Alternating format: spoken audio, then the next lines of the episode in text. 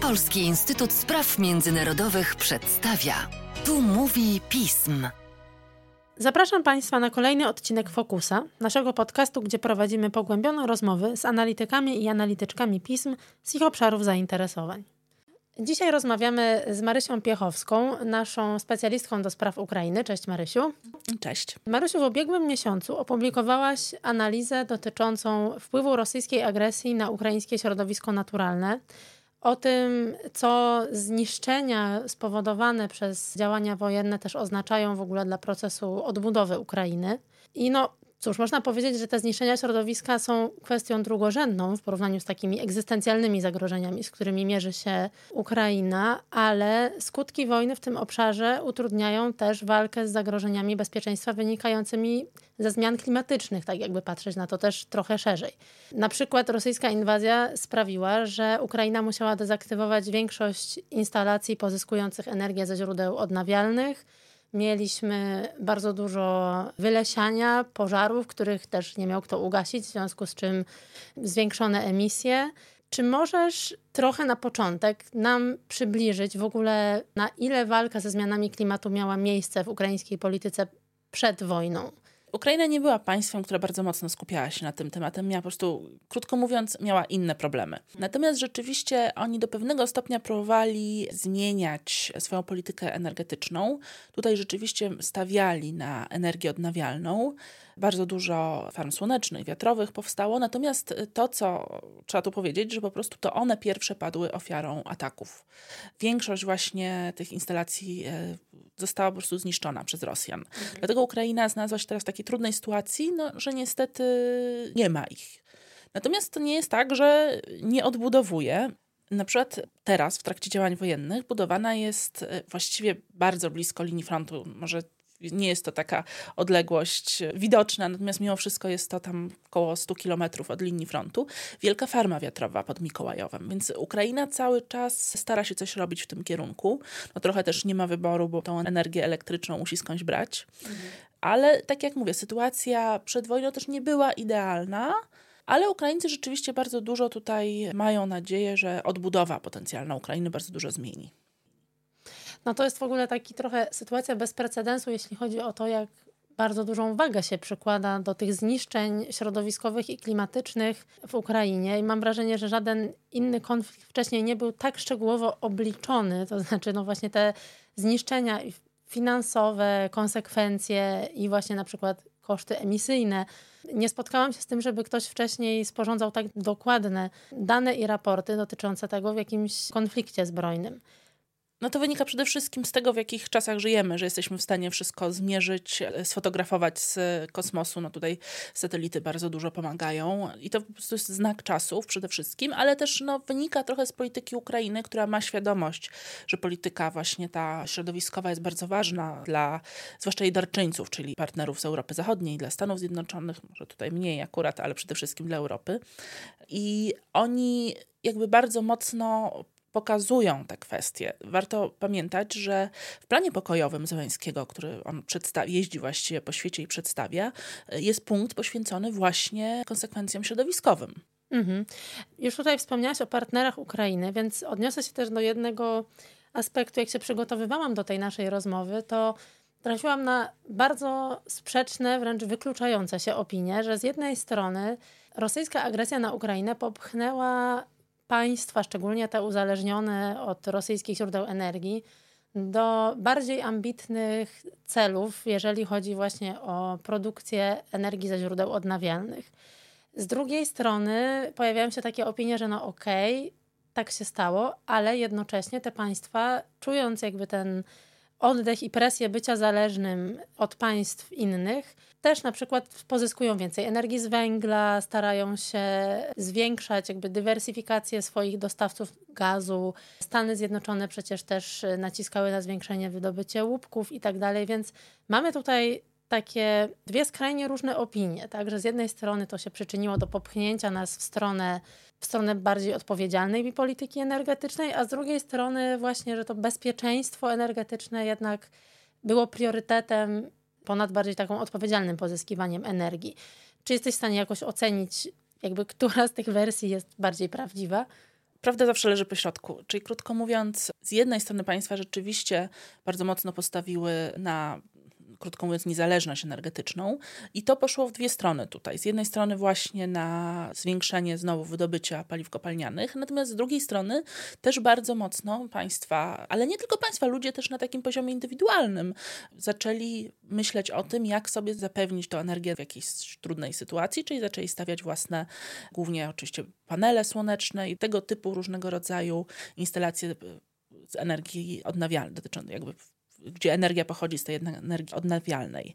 Dlatego gdzieś tu rzeczywiście leży ta prawda po środku, natomiast rzeczywiście są takie ciekawe analizy, one przede wszystkim pochodzą z początku tej wojny, że Generalnie to, że Europa została odcięta od tych źródeł rosyjskich paliw kopalnianych, e, sprawiło, że Europa mimo wszystko dużo mocniej poszła w stronę energii odnawialnej. I to jest bardzo taki pozytywny impuls, o ile w ogóle można mówić o pozytywnych impulsach w czasie wojny.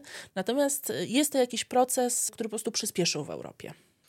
Przechodząc już trochę bardziej do Twojego tekstu. Mówi się, że Ukraina jest jednym z tych państw w Europie, które są najmniej samowystarczalne pod kątem zasobów wodnych. Do tego, no, oczywiście, raz, że zmiany klimatu mogą te zagrożenia jeszcze zwiększać dodatkowo, no ale dwa, Rosja oczywiście wzięła sobie za cel niejednokrotnie instalacje wodne. Największa, czy naj, najbardziej taka znamienna historia z tym związana, to było zniszczenie zbiornika kachowskiego ale znalazłam gdzieś takie wyliczenia, że około 500 instalacji właśnie wodnych, w tym produkujących energię, zostało zniszczonych w trakcie wojny. Czy możesz zobrazować tą sytuację, jak teraz wygląda to bezpieczeństwo wodne w Ukrainie? Rzeczywiście Rosjanie atakowali tą infrastrukturę wodną, nie tylko taką stricte energetyczną, ale również różnego rodzaju zapory, właściwie w tej południowo-wschodniej Ukrainie. To nie tylko Tama Kachowska, zapora Kachowska, o której wszyscy słyszeliśmy, ale szereg mniejszych zapór wodnych. I rzeczywiście Ukraina ma problem, ponieważ całe to południe Ukrainy to tak naprawdę jest step, na którym, krótko mówiąc, bardzo rzadko pada deszcz i bardzo małe są te opady. A jednocześnie są to bardzo żyzne tereny, właściwie główne takie miejsce, gdzie najbardziej intensywnie zintensyfikowane jest ukraińskie rolnictwo. I ono było uzależnione od sieci kanałów, które prowadziły wodę głównie z zbiornika kachowskiego, ale również z tych szeregu mniejszych różnych zbiorników. I tak naprawdę w momencie, w którym zbiornik kachowski wysechł, bo w tym momencie on nie istnieje, a Dniepr po prostu odtworzył swoje koryto, to wszystkie te kanały są puste.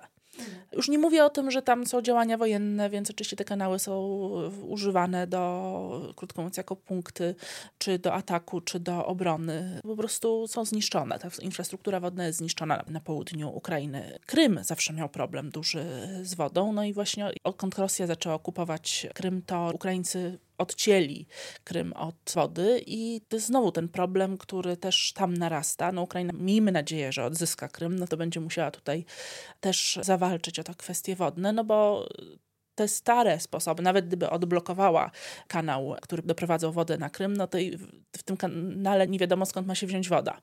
No więc no, Ukraina ma bardzo duży problem i ten problem będzie narastał.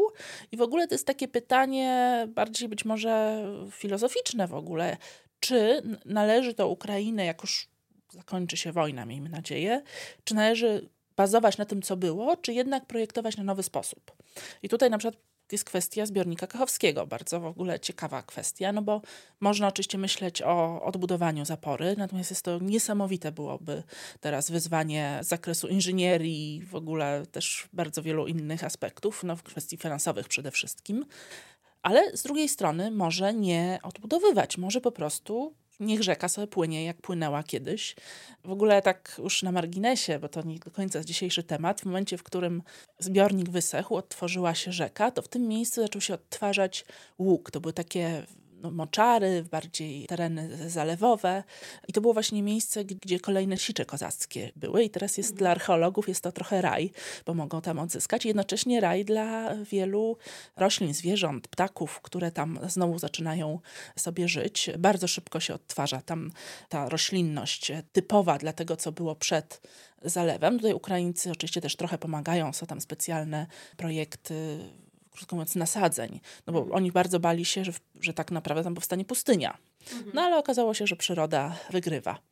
No ale to już tak na marginesie dzisiejszego tematu. No ale właśnie, Kwestia też na przykład, jak mamy taki zbiornik, to to wpływa na mikroklimat lokalny. Teraz go nie ma. Więc znowu jest, mamy jakąś zmianę. Więc mamy szereg pytań, jak odbudować i czy w ogóle odbudowywać. No to jest tak, jak powiedziałaś, trochę pytanie filozoficzne. Ja akurat zrobię tutaj taki trend, bo interesuję się takimi tematami, powiedzmy, około rzecznymi. I to jest dosyć taka współczesna, intensywna debata, czy w ogóle powinno się budować damy na rzekach, czy właśnie jednak rzeki nie powinny być pozostawione swojemu naturalnemu biegowi. No i też na ile ten udział człowieka już jakby jest taki definitywny, jeśli chodzi o wpływanie na naturę, tak? Na ile dalej możemy powiedzieć, że coś jest naturalne w momencie, kiedy już i tak postrzegamy to, jak człowiek zmienia środowisko, jako jakiś stały element naszego krajobrazu. To ja muszę tutaj zareklamować Sarę, bo Sara jest naszą ekspertką od wody na Bliskim Wschodzie, więc to taki temat bardzo trudny tam. Dziękuję Ci bardzo, Marysiu. Wracając do, do tego, o czym mówisz, Wspominasz też w swoim tekście o problemie z zaminowaniem Ukrainy, że jest to też no, raz, że gigantyczne zagrożenie toksyczne, no dwa, że problem po prostu dla bezpieczeństwa. Jak Ukraina radzi sobie teraz właśnie z rozminowywaniem swojego terenu? To w ogóle jest taki bardzo skomplikowany temat, bo oczywiście to nie są tylko miny, to jest kwestia różnego rodzaju pocisków, które znalazły się w ziemi, nie wybuchów. I to z jednej strony właśnie jest kwestia różnego rodzaju metali ciężkich. No przede wszystkim kwestia zagrożenia wybuchem, taka bardzo bezpośrednia. W tym momencie uważa się, że teren, który jest zaminowany na Ukrainie, to jest właściwie odpowiada pod względem powierzchni wielkości całej Wielkiej Brytanii. Więc to jest olbrzymi, olbrzymi teren. Jeżeli przypomnimy sobie sytuację z Bałkanów, tam do tej pory jest wielki problem z zaminowanymi terenami. No i tutaj na Ukrainie ten problem to będzie problem na lata. Ukraina sobie oczywiście zdaje doskonale sprawę, że, że, jest, że ma bardzo duży problem. Szuka przede wszystkim pieniędzy, ale też rozwiązań technicznych, bo okazuje się, że to nie jest takie proste. Bo z jednej strony oczywiście można wysłać sapera, niech sprawdza, czy coś, mhm. czy są miny, ale no, mówimy o terenie, który odpowiada wielkością Wielkiej Brytanii są różnego rodzaju tak zwane trały przeciwminowe, ale to są właściwie pojazdy używane przez wojsko i one raczej służą, żeby przebić się na przykład przez linię frontu, więc rozminować wąski fragment, a nie powierzchnię pola. Bo mhm. mówimy o, musimy mieć świadomość, że tak, mówimy o miastach zaminowanych, o okolicach miast, o polach, no i w końcu też rezerwatach przyrody. W momencie, w którym tama została wysadzona w powietrze, tam wzdłuż brzegów Dniepru były miny i one się rozniosły po dużym terenie w dole rzeki. My nie wiemy dokładnie, gdzie one są w tym momencie. To mhm. też jest jakiś duży problem. Te miny częściowo zostały przez wodę zepchnięte w stronę Morza Czarnego i na przykład zagroziły wybrzeżom Bułgarii czy Rumunii. Więc mamy tak naprawdę olbrzymi problem, który nie dotyczy tylko Ukrainy i z którym jakoś będzie trzeba sobie poradzić. No i to znowu jest nawet nie tylko kwestia min, ale też właśnie robiąc sobie notatki, natrafiłam na to, że ogromna ilość zanieczyszczeń, które były przy zbiorniku kachowskim, też trafiły właśnie na wybrzeża Rumunii, no, innych państw, które mają wybrzeża przy Morzu Czarnym. Więc ten problem środowiskowy tak naprawdę nie jest tylko problemem Ukrainy, ale jest problemem dużo szerszym. Czy państwa zachodnie są w stanie jakoś pomóc Ukrainie w tej chwili z rozminowywaniem terytorium, czy to jest jeszcze za wcześnie w ogóle? No, to się dzieje. Tylko, że na razie dotyczy przede wszystkim terenów zabudowanych. Tutaj na przykład bardzo dużą rolę odegrał kontyngent humanitarny polskiej policji, który kilka miesięcy po prostu rozminowywał tereny pod Kijowem. Wiele państw tego typu misje albo wysyła, albo po prostu szkoli, szkoli ukraińskich saperów. No tutaj też bardzo dużo rzeczywiście jest finansowania ze strony państw zachodnich, natomiast to nie jest na razie wystarczające. Ukraina będzie potrzebowała bardzo dużo pieniędzy, żeby rozminować wszystkie te tereny. No, Ukraińcy starają radzić sobie e, sami jak mogą ogłosili przetargi na firmy, które mogą rozminowywać. Ludzie też czasami, to niestety sami rozminowują, to się kończy niestety bardzo często tragicznie. Coraz więcej ofiar właśnie jest po prostu od tych wybuchów tych min, cywilnych ofiar. Więc tutaj no, jest bardzo duży problem, ale powoli, powoli Ukraina będzie sobie radziła, przy czym mówimy tak naprawdę o perspektywie kilkudziesięciu lat. Mhm. Wspominałaś, że bardzo istotny w procesie właśnie odbudowy, czy w pomysłach na, na odbudowę Ukrainy jest właśnie ten aspekt środowiskowo-klimatyczny, powiedzmy. Czy widzisz jakąś taką szansę na tak zwany żabi skok? To znaczy, że właśnie Ukraina z państwa, które nie było w stanie wcześniej intensywnie zainwestować w bardziej, nie wiem, odpowiedzialną energetycznie politykę, czy ograniczenie jakiejś znaczne emisji, że jest szansa na to, że po wojnie będzie jakiś taki przełom i ten temat mocno ruszy do przodu? Przede wszystkim wszystko zależy od tego, jak i kiedy skończy się wojna. Natomiast przy takim optymistycznym scenariuszu, że wojna się rzeczywiście skończy, to krótko mówiąc, łatwiej budować coś, jak nic nie ma, niż mozolnie przebudowywać i modernizować coś, co jest. Mhm. Świetnie widzieliśmy to w Polsce na przykładzie takiej infrastruktury telekomunikacyjnej, że w pewnym momencie w Polsce internet był dużo lepszy niż, niż na, na, zachodzie, zachodzie. Mhm. bo po prostu my budowaliśmy od zera i budowaliśmy od razu, kładliśmy światłowody i po prostu dużo szybciej u nas ten internet był lepszej jakości, dużo lepszej jakości niż na zachodzie. I to samo będzie na Ukrainie, o ile oczywiście będą ku temu warunki, że to, co będzie budowane z założenia to ma być ma, ma, być ten element e, zielonej transformacji włączony. To w ogóle często jest takie założenie tych wszystkich funduszy, których zasadach jest, że my dajemy pieniądze, ale pamiętajcie, że, że część tych pieniędzy albo musi być przeznaczona na kwestie środowiskowe, albo wręcz te budynki, obiekty mają być odbudowywane tak, że będą e, zeroemisyjne czy generalnie neutralne dla klimatu.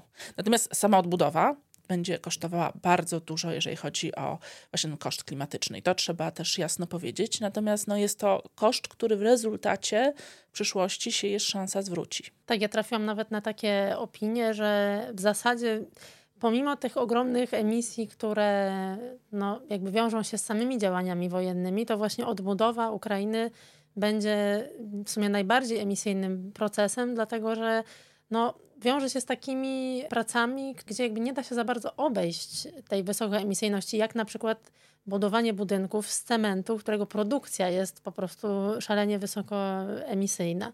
Chciałam Cię jeszcze zapytać o kwestię energii nuklearnej, bo też mieliśmy dużo zagrożeń związanych właśnie z, jakby z jakąś potencjalną destabilizacją reaktorów, z tym, że no oczywiście kontrolę nad największym reaktorem przejęła Rosja. Ukraina odłączyła chyba pozostałe, poprawnie jeśli się mylę, reaktor od swojej sieci właśnie żeby uniknąć potencjalnego zagrożenia. Czy to jest na ten moment jakby stabilna sytuacja, czy też jakby środowisko ukraińskie jest zagrożone właśnie tymi elektrowniami? To nie jest tak, że ukraińskie elektrownie atomowe są włączone, tak do końca się nie da wyłączyć. To zależy od sytuacji, zależy która. No na przykład ta najbardziej znana w tym momencie, bo okupowana właśnie przez Rosjan zaporowska elektrownia atomowa, ona jest te reaktory są częściowo w tak zwanej zimnej rezerwie, czyli no, trudno powiedzieć, że są wyłączone, ale gdzieś tam blisko wyłączenia. Natomiast rzeczywiście zagrożenie jest. Ono dotyczy tak naprawdę braku możliwości chłodzenia reaktorów. Tutaj wszyscy trochę denerwowali się, jak to w momencie, w którym zaczął być osuszany zbiornik kachowski, jak się osuszał, czy nie zabraknie wody do chłodzenia tej elektrowni. Natomiast tak naprawdę elektrownie mają plan B, C, D, mnóstwo tych planów, co zrobić w takiej sytuacji. Mają własny zbiornik, w razie czego mają specjalny zestaw przesyłania wody z odległości, więc to zagrożenie oczywiście jest, ale ono jest bardziej, krótko mówiąc, Rosjanie, gdyby chcieli, to oczywiście mogą bombardować tą całą infrastrukturę dookoła elektrowni, która właśnie służy między innymi do chłodzenia i oni to zresztą robili, natomiast do tej pory nie było takiej sytuacji bardzo mocnego zagrożenia. Oni też nie chcą, krótko mówiąc, żeby doszło do jakiegoś wybuchu, ale traktują to jako taką trochę szantaż, bo w każdej chwili rzeczywiście mogą to zrobić. Oczywiście sytuacja, w której doszłoby do jakiejś katastrofy w elektrowni atomowej, no byłaby sporym zagrożeniem. Natomiast trzeba mieć świadomość, że chociaż Rosjanie oczywiście robią wiele koszmarnych rzeczy, to też by to zadziałało przeciwko nim bardzo mocno. Więc miejmy nadzieję, że oni do tego się nie posuną. Na koniec chciałam Cię zapytać o rzecz, którą sugerujesz na samym końcu swojego tekstu, czyli możliwość włączenia ekobójstwa jako zbrodni w świetle prawa międzynarodowego. Trochę jest tak, że chociaż statuty rzymskie odnoszą się do tych zbrodni środowiskowych, co prawda nie jako tej takiej najgroźniejszej, najpoważniejszej zbrodni międzynarodowej w świetle prawa międzynarodowego, no to jednak ym, jest ona uwzględniona. Niemniej nie ma jakby takiego instrumentu, który Ukraina, czy który jakby w ogóle powszechnie byłby używany, żeby sądzić państwa za za zniszczenia środowiskowe. Jeden precedens, który ja znam ze swojego podwórka, to były odszkodowania, które Kuwait otrzymał, no właśnie z założenia miał je otrzymać od Iraku po pierwszej wojnie w Zatoce, ale tak naprawdę otrzymał je głównie od ONZ-u, który początkowo miał stworzyć fundusz dofinansowywany przez Irak, przez zyski z eksportu ropy. Pierwotnie w wysokości 30% jakby całej puli tego funduszu, ale no w związku z sytuacją w Iraku to tam ostatecznie chyba spadło do 1 czy, czy 3%, więc no, była mar marginalny był udział Iraku w finansowaniu tych odszkodowań. Domyślam się, że ani Ukraina, ani Zachód nie chciałyby, żeby na przykład potencjalne rosyjskie odszkodowania były finansowane z jakiegoś funduszu, który w sumie sami byśmy stworzyli. Więc zastanawiam się, jakie działania Ukraina podejmuje w tym zakresie i jakie są w ogóle szanse, żebyśmy stworzyli taki precedens dla uwzględnienia zniszczeń środowiskowych w prawie międzynarodowym, tak szerzej. No właśnie, to jest taki temat, który wbrew pozorom wcale nie zaistniał teraz z okazji wojny na Ukrainie. On jakby wcześniej już był podnoszony, że brakuje dobrej definicji właśnie ekobójstwa w prawie międzynarodowym. Takiej definicji, która by wprost mówiła, czym jest ekobójstwo i jakiego rodzaju zbrodnią ona jest. I coraz więcej się mówi, że powinno się wprowadzić. Bo rzeczywiście na przykład Rosja, ale nie tylko Rosja, wiele innych państw wykorzystuje właśnie tego rodzaju rzeczy w wojnie. No, jest to tak naprawdę są to zbrodnie, które nie tylko stwarzają bardzo duże zagrożenie dla ludzi, ale mają swoje konsekwencje na wiele lat. Dlatego naprawdę warto, żeby taka definicja się pojawiła. I tutaj Ukraina intensywnie włącza się w promowanie tego pomysłu, żeby, żeby taką definicję rzeczywiście wprowadzić. No tutaj zobaczymy, czy w ogóle jest to możliwe. No już pomijając, czy rzeczywiście udałoby się Rosję pociągnąć do odpowiedzialności, bo to jest zupełnie inny temat. Natomiast właśnie to jest jeden z powodów, dla których Ukraina włączyła te kwestie środowiskowe do swojego planu pokojowego. Tam jest w tym ósmym punkcie planu Załęskiego jest właśnie powiedziane, że trzeba tym zbrodniom, krótko mówiąc, no, zapobiegać, ale też naprawić je oraz pociągnąć do odpowiedzialności sprawców. I tutaj właśnie bardzo jest to promowane ze strony Ukrainy na forach międzynarodowych. No, czytałam, że tutaj jakby szalenie ważnym i dużym wyzwaniem jest zebranie dowodów i też w ogóle wyliczenie tego, tak, co tak naprawdę, czy jakie jakby wielkości szkody rzeczywiście były spowodowane przez działania Rosji, no bo wyobrażam sobie, że w sytuacji wojennej no, trudno jest też przypisać każdy najmniejszy jakiś szczegół związany ze środowiskiem konkretnemu sprawcy, prawda?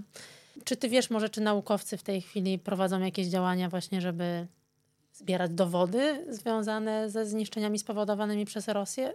Y, Ukraina bardzo dba o ten element właśnie zbierania informacji. Jest specjalny portal przez który można na przykład różnego rodzaju incydenty zgłaszać, one są mhm. potem badane.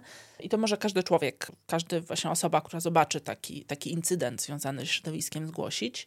I rzeczywiście to jest tak, że ona jest bardzo mocno wspierana przez wiele i państw, i też organizacji międzynarodowych w tych kwestii, bo krótko mówiąc, wiedza jest pierwszym krokiem do kolejnych, do tego, żeby coś z tym zrobić. Dziękuję Ci bardzo, Marysiu, za zarysowanie tych środowiskowych aspektów wojny, o których w sumie mówi się jednak dużo rzadziej. Państwa zapraszam do zajrzenia do tekstu Marysi, który również bardzo szczegółowo odnosi się do tego, jak sytuacja ukraińskiej przyrody wygląda y, w związku z wojną. Dzięki. Dziękuję.